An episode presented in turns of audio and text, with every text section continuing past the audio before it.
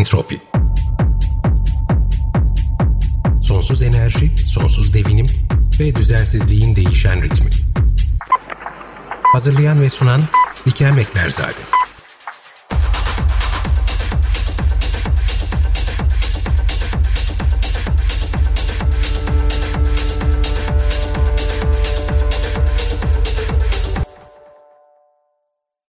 Biraz özümüze dönüyoruz ve entropi kavramını birçok açıdan Profesör Doktor Sinan Özeren ile birlikte masaya yatırıyoruz. Tarih 24 Ocak 2022. Entropi hoş geldin. Sinan Hocam tekrardan hoş geldin. Ee, senle bir, beraber yaptığımız ikinci entropi programı bu. Biz biz de birincisinde depremleri konuşmuştuk. Entropik meseleleri azıcık girmiştik. Sen entropi kavramından da çok hoşlanıyorsun biliyorum. Onunla ilgili de bugün konuşmak için bir aradayız. Ama öncesinde şu geçtiğimiz haftalarda gerçekleşen Hunga Tonga Hunga Hapai okyanus altı volkanı 15 Ocak'ta çok ciddi bir arkasından tsunami'ye sebep oldu. E, haberleri bu şekilde yansıdı ama sadece bununla da kalmadı. Aynı zamanda dünyanın birçok yerindeki basınç gradyenlerinde de hissedildi ve oynamalara sebep oldu. Yani e, sürekli burada da gerek iklim anlamında gerek sosyal haberler anlamında yani hangi konuda dokunursak dokunalım aslında birbirine bağlı olayların ve birbirine bağlı süreçlerin ve aynı zamanda birbirine bağlı e, metasal e, kütlelerin birlikte e, bir bütün oluşturdukları e, global bir ekosistemin bir parçası olduğunu tekrardan hissediyoruz. Şimdi birinci soru herkesin eminim aklındadır. E, iki gün önce malum Balıkesir depremi 4.9 hissedildi akşam saatlerinde öncesinde Hunga'daki büyük volkan patlaması ve bu kadar geniş alanda hissedilen bir patlamanın e, sonrasında volkanizma, tektonizmayı tetikler mi? İlk sorumuz bu olsun. Ben topu sana atıyorum Sinan Hocam. Oradan da entropik konularımızı devam edelim lütfen. Ee, anladım. Hayır, genel olarak e, volkanik patlamalar e, lokal e, bir takım tremörler yaratıyorlar tabii. E, hatta sismolojide biz bunlara tıpkı kardiyologların işte bir takım kalp rahatsızlıklarını kardiyogramlardan e, tespit edebildikleri gibi biz de e, volkanik tremörleri e, diğer sismik olaylardan ayırt edebiliyoruz kayıtlarını kullanarak. E, çok büyük volkanik e, patlamalar veya kaldera çökmeleri büyük tsunamilere yol açabiliyorlar ve e, ama e, yani büyük çok uzaklara uzanan tektonik etkileri yok bu e, Hunga Tonga e, patlaması ve ondan sonra gerçekleşen e, tsunami çok büyük doğa olayları olsa da en azından tektonik açısından patlamanın kendisi çok yakınları hariç tektonizmayı ciddi olarak etkileyen bir olay değil. Volkanik patlamaların daha çok etkileri klimatolojide oluyor olabiliyor. Gerçi bu bir e, su altı volkan volkanı patlaması ama e, yani büyük volkanik patlamalar tabii büyük miktarda külü e, e, atmosfere e, hatta stratosferin üst kısımlarına kadar yayabildikleri için ki burada da değil mi Hunga Tonga'da da benzer bir şey yaşandı. E, çok evet. yüksek seviyelere e, kül ve tüf tabakasının e, ulaştığından bahsedildi. Bu büyük bir volkanik patlama gerçekten. Kesinlikle bir kere 21. yüzyıl içindeki e, e, en büyük patlama ve bildiğim kadarıyla da 1991'deki e, meşhur Pinatubo e, patlamasından biri olan en büyük patlama. E, yani volkanik patlamaların e, geçmişte e, klimatolojik e, tarihle ilgilenenlerin daha iyi bileceği gibi bu e, yani atmosferin yüksek tabakalarına kül taşımaları ve bu külün e, zaman içinde e, uzun süre orada kalması ve güneş ışınlarını da bir nebze e, kesmesi neticesinde e, aslında e, minik buzul çağlarına e, yol açabildiğini biliyoruz. Örneğin e, Avrupa'da e, Orta Çağ'ın son kısmında e, gerçekleşen yani Orta Çağ'dan Rönesans'a geçerken dönemdeki e, küçük buzul çağı Nın e, volkanik patlamalarla son derece ilintili e, olduğu e, biliniyor. Tabii bunu e, yani zaman içinde göreceğiz e, bunun çeşit etkisini. E, lafını bağlı kesiyorum ama sadece burada tabii Hunga Tonga'da yok. Aynı zamanda Big Sur'da da şu anda devam eden ve bu süreç hani klimatolojiden bahsediyoruz madem e, bu zaman zarfı için oldukça da olağan dışı olan bu kadar e, ciddi e, boyutta bir yangın bir yangın devam ediyor. Bir orman yangını devam ediyor. Colorado Kaliforniya'da Colorado'da. Yok e, Big Sur'da yani şöyle aslında e, Güney Batı Colorado'da e, Big Sur'a etkisi bulunuyor ama e, yangının dumanları duman tabakası yani bulut tabakası gibi düşünebiliriz bunu.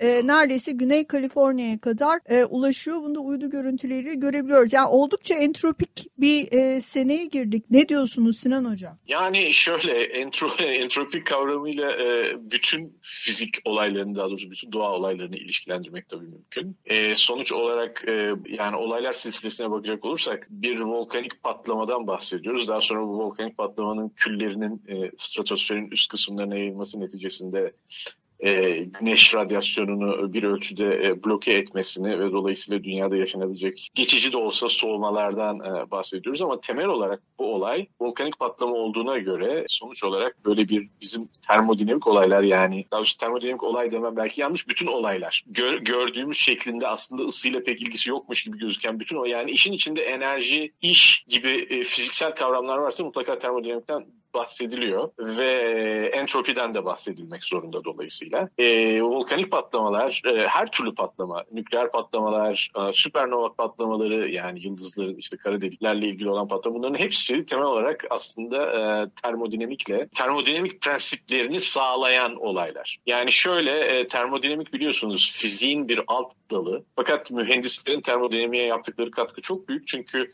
ısıdan yani ısı kullanarak e, iş yapabilmek. Örneğin işte e, ilk arabaları, ilk e, yandan çarklı gemileri yapmak nasıl? İşte içi, geminin içinde buhar e, kaynatıyorsunuz ve bunun bunu işe çeviriyorsunuz değil mi? Dolayısıyla ısıyla iş arasındaki ilişkileri optimum hale getirmeye çalışmak eskiden beri yani o zamanlar ilk buharlı arabalar, buharlı gemiler daha sonra işte günümüzde e, uzaya giden e, füzeler veya işte denizaltılar şunlar bunlar. Bütün e, aslında e, olay termodinamik prosesi mümkün olabildiği kadar optimum e, kullanabilmek ve o yani e, yakıtı yakarak işte e, maksimum, e, optimum e, işe ulaşabilmek. İşte arabanın hızlı gitmesi şu falan. Fakat termodinamik tabii doğa olaylarında da çok önemli. Çünkü bütün atmosfer örneğin, bütün meteorolojik olaylar güneşten aldığımız e, enerjinin, yani güneş radyasyonunun bize verdiği ısınma e, neticesinde atmosferde meydana gelen e, termodinamik olaylar neticesinde gerçekleşen şeyler değil mi? Hem meteorolojik olaylar hem de daha uzun zaman e, ölçekli iklimsel olaylar aslında e, termodinamiğin temel e, kanunlarının bir şekilde manifestasyonu veya tezahürü. Aynen ve entropiyi de biz zaten kendi programımızın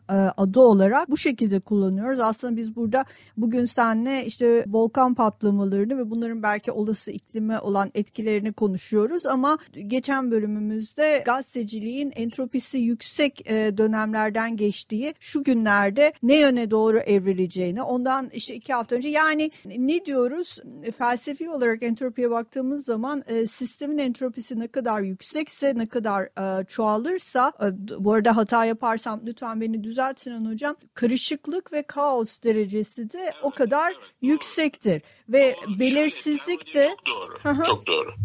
E, ter, yani e, entropi termodinamiğin, termodinamiğin işte sıfırıncı, birinci, ikinci kuralları diye böyle kuralları var. Entropi daha çok ikinci termodinamiğin ikinci yasasıyla e, ilişkili. Ee, burada sıfırıncı, birinci, ikinci yasaların detayını e, tartışamayacağız tabii bu kadar. Tabii. Bizi, bizi sadece bizi bizi sadece içinde entropi olan kısmı ilgilendiriyor. Evet. Entropi temel olarak entropi aslında termodinamik sistemdeki ısı e, değişiminin e, e, sıcaklığa oranı e, şeklinde tanımlanıyor ve e, e, bir sistemde entropi daha entropi azalamıyor. E, yani bütün doğada, evrende gerçekleşen olaylar zaman içinde entropinin sürekli artmasına neden oluyor. Entropi dolayısıyla azalabilecek bir fiziksel büyüklük değil. Ha yavaş veya hızlı artması meselesi olabilir duruma göre, termodinamik e, vaziyete göre. Ama e, entropi e, e, azalamaz. Entropinin art aslında yani termodinamik ikinci kanunu entropinin e, sürekli artıyor olduğunu e, söylüyor. Dolayısıyla entropi ve e, entropi aynı zamanda demin senin de söylediğin gibi e, entropi kavramına sıcaklık ve e, ısı ve sıcaklık yönünden bakmak yerine bilgi akışı veya enformasyon teorisi açısından da bakabiliriz. E, entropi aslında zaman içinde düzensizliğin artmasını gösteriyor. Düzensizliğin artmasının ve aynı zamanda sistemin yapısının da e, yapısındaki belirsizliklerin de ön plana çıkmasını gösteriyor. Ön plana çıkması evet evet ve düzensizliklerin artması yani şöyle do, yani fiziksel olaylar e, aslında e, sadece fiziksel değil burada fiziksel derken kimyasal, biyolojik bütün olaylar. Evrende gerçekleşen bütün olaylara bakacak olursanız olay bir düzene değil düzensizliğe doğru gidiyor. Ama arada e, düzenli mesela değil mi? çok güzel düzenli mineraller oluşuyor. Veya insan hayatını düşünelim. Örneğin bir insanın hayatta kalabilmesi için e, e, metabolik e, düzenin devam etmesi lazım değil mi? Evet hocam çok güzel bir noktaya değindin. Tekrardan araya giriyorum. Kısacık lafını keseceğim ama lütfen oradan evet. devam et. İnsan metabolizması ve entropi demişken ee, mesela e, Covid yani en son yaşadığımız e, virüsün sürekli olarak mutasyona uğraması, tek bir noktada sabit kalmaması, e, sürekli değişim geçirmesi. Çünkü insan e, metabolizmasının değişim içerisinde olması aslında öyle değil mi? Ee, yani viral evrim e, konusunda çok bilgi sahibi değilim açıkçası. Ee, yani tabii virüsler de aslında tabii evrim geçiriyorlar diğer biyolojik e, unsurlar gibi. Virüslere canlı demek istemiyorum tam olarak. Ben de bu kelimeyi kullandım. Ama şunu demek istiyorum. Yaşam denen olay aslında neredeyse antropinin artması prensibine ters gibi geliyor. Onun için zaten sonlu. Yani yaşam bu nedenle fragil. Onun için yaşlanıyoruz. Hı hı. Yani yaşam kavramı e, bir düzen gerektirdiği için öyle değil mi? Sizin işte kalbiniz ondan sonra bütün vücudumuzun içindeki biyokimyasal olayların ahengi işte ne bileyim işte şeker artıyor, tansiyon düşüyor bilmem ne oluyor falan filan. Yani bunların belirli bir aralıkta bulunması gerekiyor değil mi organizmanın hayatta kalabilmesi Tabii için. Ki. Fakat e, aslında yani bu, bu bu aslında bir düzen düzenin ayakta tutulmaya çalışılması demek. İşte biz ilaçlar alarak şunlarla bunlarla falan bunu ayakta tutmaya çalışıyoruz ama bir yere kadar. E, ve sonuçta hayat sona eriyor. Yani hayat hayatın varlığı kısa süreli olması veya sonlu süreli olması aslında e, düzensizliğin en sonunda galip geleceğini bize gösteriyor. Değil mi? Yani, yani en son düzensizlik Tabii. ve aslında e, maksimum entropi durumu maksimum entropi durumu. Dolayısıyla yani bizim e, yaşamımız e, kısa süreli olarak e, biraz termodinamiği neredeyse e, ihlal etmeye çalışıyor ama edemiyor tabii. Yani bir takım mekanizmalarla ihlal edermiş gibi yaparken biz işte e, kısa bir süre için hayatta kalıyoruz. Ama e, zaman içinde e, e, tabii bu iş böyle devam etmiyor. Ölüyoruz ve daha sonra ne oluyor? İnsan vücudu son derece amorf, düzensiz bir hale geliyor. Çürüme başlıyor falan filan. Ve bütün bu e, normal hayattayken olan düzen ortadan kalkıyor. Ve yeniden düzensizliğe olan e, şey. Yani birçok e, fiziksel olayın makroskopik e, ve uzun dönemli şeyi evrimine bakacak olursanız olay şey tarafındadır, düzen tarafındadır. Şimdi bu sosyolojik olaylara bunun nasıl uygulandığını bilemiyorum. Mesela belki şu şekilde yapmalıyız. Hani eskiden avcı toplayıcı toplumlar varken belki biraz daha kaotikti e, insan gruplarının hayatı ama gitgide işte e, modern dünyada e, bir takım normlara uymaya çalışıyoruz falan. Ondan sonra belli bir sistematik dahilinde yaşıyoruz. İşte uçak kullanıyoruz. Tabii ama bir de şöyle bir şey var. Tekrardan araya giriyorum Sinan Hocam. Şimdi o kadar çok konuşacak şey var ki böyle ufak ufak zamanımız da dar malum. Şimdi sosyal konularda aslında bir ekosistem prensibine oturttuğunuz zaman şunu da belki bu entropi düşüncesinin içerisine ekleyebiliriz diyebiliriz. O da bir toplumu ne kadar çok baskı altında ve kurallar ve kanunlar içerisinde rigid yani çok böyle e, dümdüz bir şekilde tutmaya çalışırsan e, belirli bir noktadan sonra orada bir sosyal patlama olma potansiyelini artırmış oluyorsun. Yani aslında içeride sen e, her şeyin doğru, düzgün ve disiplini gittiğini düşünürken orada entropi giderek yükselmeye başlıyor. E, ve buradan da hani fiziksel tarafına da geçersek sevgili e, Prigojin'in de ortaya attığı gibi e, dissipated structures dediği yani kendi içerisinde evrimleşen yeni yollara sapan o yolda daha fazla yürüyemeyeceğini anladığı zaman sağa sola bulabildiği ufacık çatlaklardan sızmaya çalışan e, ve bunu başaran yeni sistemlerin oluşmasına tanıklık ediyoruz. Yani bu e, insan vücudunu da bir ekosistem olarak düşünürsek böyle bir ormanı da düşünürsek Aynı şekilde e, ve sosyal şeylere de yani hayatın kendisine de akışına e, toplumların kendi içerisinde belirledikleri normlara vesaireye baktığımız zaman da aslında benzerlikler, paraleller görüyoruz öyle değil mi? Görüyoruz kesinlikle. Herhalde şey yani bir toplumu baskı altında tutmasan bile zaman içinde yine e, ahengin ortadan kaybolmasını beklemek doğal.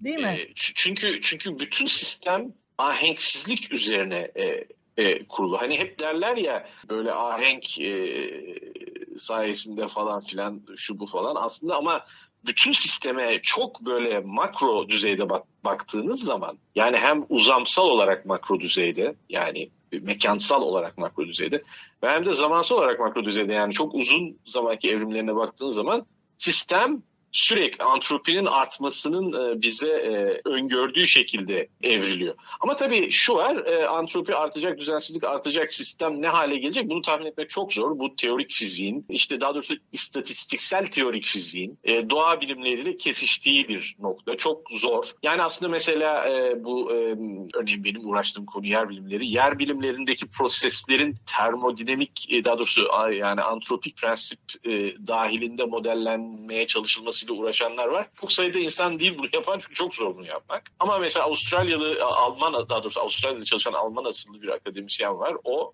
e, çok basit jeolojik e, prosesleri e, bu gözle bakıp böyle matematiksel bir takım modeller kuruyor ve bayağı bir şeyi tahmin edebiliyor. İlginç gerçekten. Yani dolayısıyla buradan biraz lafım belki üniversitelere yani birçok üniversitede fizik dersi alınırken birinci sınıfta ya elektrik ya mekanik alınıyor. İşte termodinamik neredeyse hiç görünmüyor. İşte ileride makine mühendisi, uçak mühendisliği falan okumuyorsanız da hayatı mesela inşaat mühendisliği okuyorsanız hiç termodinamikle karşılaşmadan eğitim, mühendislik eğitimi hayatınızı sona erdirebiliyorsunuz ki bu bence büyük bir yanlış. Yanlış hem, ve eksiklik. Hem genel, çok büyük eksiklik hem genel mühendislik nosyonunun eksik kalması yönden eksiklik hem de genel fizik kültüründen geri kalmak yönünden ve aynı zamanda hocam e, eksiklik derken e, şöyle bir şey de var. Yani hep termodinamik dersinden korkulur. E, yani termodinamik eyvah termodinamik mi alacaksın? Yani çok o, o ders çok karmaşık. Çünkü neden? Çünkü az önce sizin de bize söylediğiniz gibi başından beri toplumlarda sürekli bir düzen ve ahenk çocukluğumuzdan ileri yaşlarımıza kadar düzenin ve ahengin ne kadar önemli olduğu bize öğretilir. Ama aslında düzensizlik e, ve ahengin kendi akışı içerisinde doğal ortamında bırakılmasının ne kadar hayatsal olduğunu e, biz bu bilim dallarını çalışmaya başladığımız zaman buralarda araştırma yapmaya değil mi? Aynen öyle. Yani e, gerçekten evet e, böyle bir ahenk e, lafıdır e, gidiyor. Ama e, Örneğin e, termodi yani termodinamiğin daha sonra e, yani bu antropik kavram termodinamikte e, çıkan bir kavram. İlk defa bunu e, yani antropik kavramına antropi diyen de bildiğim kadarıyla Clausius, e, Alman fizikçi. Ama e, 20. yüzyılın ortalarına geldiğimiz zaman meşhur bir elektronikçi var e, Claude Shannon diye. E, Shannon e, ilk kez e, e, bu telekomünikasyon yani iletişim, elektronik iletişim, analog ve dijital iletişim konuları üzerine çalışırken işte siz bir telefon sinyali gönderiyorsunuz değil mi mesela dijital sinyal. O dijital sinyal bir takım hatalara uğrayarak karşı tarafa gidiyor değil mi? Mükemmel değil sinyalin bir taraftan öbür tarafa gitmesi. Ve fark ediyor ki aslında sinyal sonuç olarak bir enformasyon yani ben şimdi size konuşuyorum. Dolayısıyla benim söylediğim laflar bir enformasyon yığını. Siz de bunu e, işte duyup kendiniz yorumluyorsunuz falan e, bu enformasyon teorisi açısından da tanımlamakla mümkün entropiyi. Olasılık teorisi kullanarak hatta koskoca bir bilim dalı var enformasyon teorisi diye. İçinde bol miktarda olasılık e, teorisi kullanılan. Dolayısıyla yani e, dijital haberleşmede e, ve günümüzdeki e, yani kompleksite, e, karmaşıklığın devreye girdiği bütün konular. Bilgisayar bilimlerinden biyolojiye, e, sosyolojiye, e, gazeteciliğe, e, iklim bilimi, bütün her şeyle aslında entropi ilişkili. Böyle e, entropi aslında e, devrilim demek bir manada bildiğim kadarıyla e, eski Yunanca'daki e, e, transformasyon, e, böyle bir dönüşüm Dönüşüm evet evet ama yani hiçbirimiz şeyde e, Kafka'daki gibi böceğe dönüşmüyoruz. Ama aslında bir nev, nevi dönüşüyoruz. Çünkü az önce hani maksimum entropiye ulaştıktan sonra vücudun çürüme aşamasına geçtiği zaman onlar tarafından yendiğimiz için bir nebze dönüşüyoruz belki. Biraz dönüşüyoruz evet evet evet evet. Yani bu çok önemli bence bunların biraz bilinmesi e, böyle e, çünkü e, hayatın yani fizik, teorik fiziğin birçok başka dalından farklı olarak hayatın günlük akışında karşılaştığımız olaylarla çok doğrudan ilişkili bir kavram entropi ve termodinamik. benim de eskiden beri çok hoşuma giden bir konudur termodinamik. Ya tabii mühendislik okuyorsanız mühendislik okurken ki termodinamik çok sıkıcı olabiliyor. Teknik bir konu haline getirilebiliyor. Aslında temel olarak makinelerin e, motorların, uçak motorlarının işte e, aklınıza gelebilecek bütün mekanik e, aletlerin e, optimum çalışmasını sağlayabilecek e, ısı ile ilgili prensipleri ortaya çıkartmak için kullanılmaya çalışıyor termodinamik tabii mühendislikte. Ve öyle olduğu için de yani özellikle böyle motorlara falan özellikle meraklı değilseniz gerçekten çok böyle e, sıkıcı bir ders haline gelebiliyor. Ama e, aslında termodinamik çok temel olarak e, öğretilse ve e, fiziğin e, mekaniğin diğer e, dallarıyla e, ilintileri üzerinde konuşulacak böyle daha e, belki biraz daha matematiğe ağır ama biraz daha felsefi boyutta bir şekilde bir ders olarak verirse çok e, birçok öğrencinin ilgisini çekeceğini tahmin ediyorum. Kesinlikle aslında. özellikle yani sadece Shannon'ın aslında bize sizin de söylediğiniz gibi informasyon e, teorisinde e, ki anlattığı entropi kavramı biraz açılsa dahi bence kendi içerisinde aslında ne kadar önemli ve hayatın ne kadar olmazsa olmaz bir parçası. Yani ondan kaçamadığımız, onu yatsıyamadığımız, yok sayamadığımız. Kesinlikle. Kesinlikle sadece entropi değil. Mesela termodinamik fiziğin gerçekten hani çelikle yazılmış yazısıdır.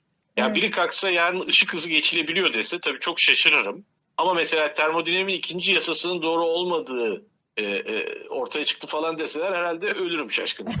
değil mi? Değil. Mümkün değil. Yani bir fizik yeni bir fizik kuramının gerçekten akla yatkın olup olmadığı test edilirken ilk yapılan iş bu acaba termodinamik prensiplerine aykırı mı? Yani aykırıysa da zaten daha fazla şey yapmaya gerek yok. Yani e, zorlamaya gerek yok. Daim makinesinin yapılamayacak olması, yapılla yani yapılamıyor olmasının teorik e, şeyi altyapısı termodinamiktir örneğin. Dolayısıyla yani bu konuda falan yani bu konuda daha fazla kafa patlatmaya gerek yok. Ama e, ne bileyim mesela nötrinolar, efendim ışık hızı falan filan yani bu konularda da neredeyse kesin bir takım e, sonuçlara varılmış olsa da fizikte yani e, işte ışık hızından daha yüksek hızların sorgulanmasıyla ilgili bir tartışma yapmak absürt değildir fizik dünyasında. Ama termodine yani termodinamikle ilgili kavramlar, antropiyle ilgili kavramlar e, tabii isterseniz sorgularsınız da yani hani araki bulasın yani böyle bir şey yok çünkü yani tabii yani bunlar fiziğin en önemli kurallarıdır termodinamik kuralları. Ve şöyle bir güzellik var yani madem e, Claude Shannon'dan bahsettik burada ve e, bilgi teorisinden, inf- informasyon teorisinden informasyon de e, bahsettik. Aslında onun anlatmaya çalıştığı şeylerden en önemlisi de e, yani klasik anlamda anlatmaya çalıştığı şeylerden en önemlisi de enformasyonun yani bilginin çok gürültülü bir kanaldan aktarılmaya çalışması değil mi? Ee, yani... Evet zaten çözmeye çalıştığı problem o. Pratik olarak çözmeye çalıştığı problem e, mükemmel olmayan kanallar kullanarak enformasyonu bir taraftan bir tarafa yani söz konusu enformasyon birçok şey olabilir. Akustik enformasyon olabilir. Elektromanyetik dalgalar kullanarak e, işte telefonlarda, telsizlerde, şunlarda, bunlarda olduğu gibi yani sonuç olarak bir enformasyonu bir yerden bir yere aktarma meselesi. Ama e, daha sonra bu enformasyon aktarılması konusu e, daha da çetrefilleşiyor. Örneğin benim bir e, Çek Cumhuriyeti'nden bir teorik fizikçi arkadaşım var. Aynı yıllarda doktora yapmıştık İngiltere'de. O mesela e, bu Reni enformasyon diye aynen bu Shannon enformasyon gibi Reni diye e, bildiğim kadarıyla Macar asıllı bir e, matematikçi mühendisin bir formülasyonu var. Reni enformasyon, Reni bilgisi diye.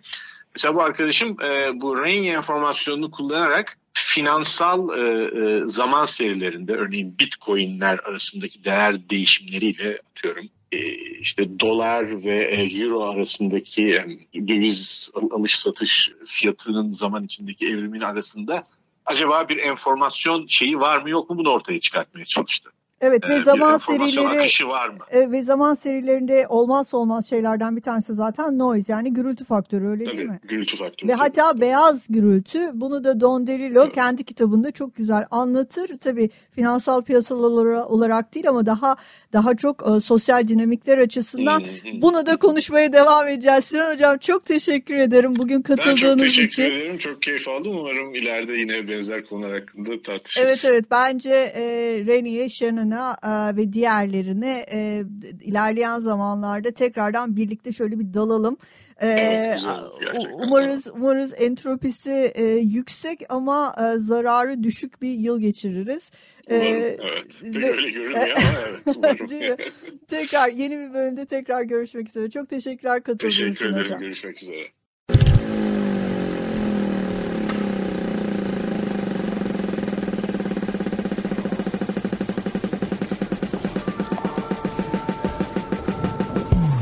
Entropi Sonsuz enerji, sonsuz devinim ve düzensizliğin değişen ritmi. Hazırlayan ve sunan Bikem Ekberzade.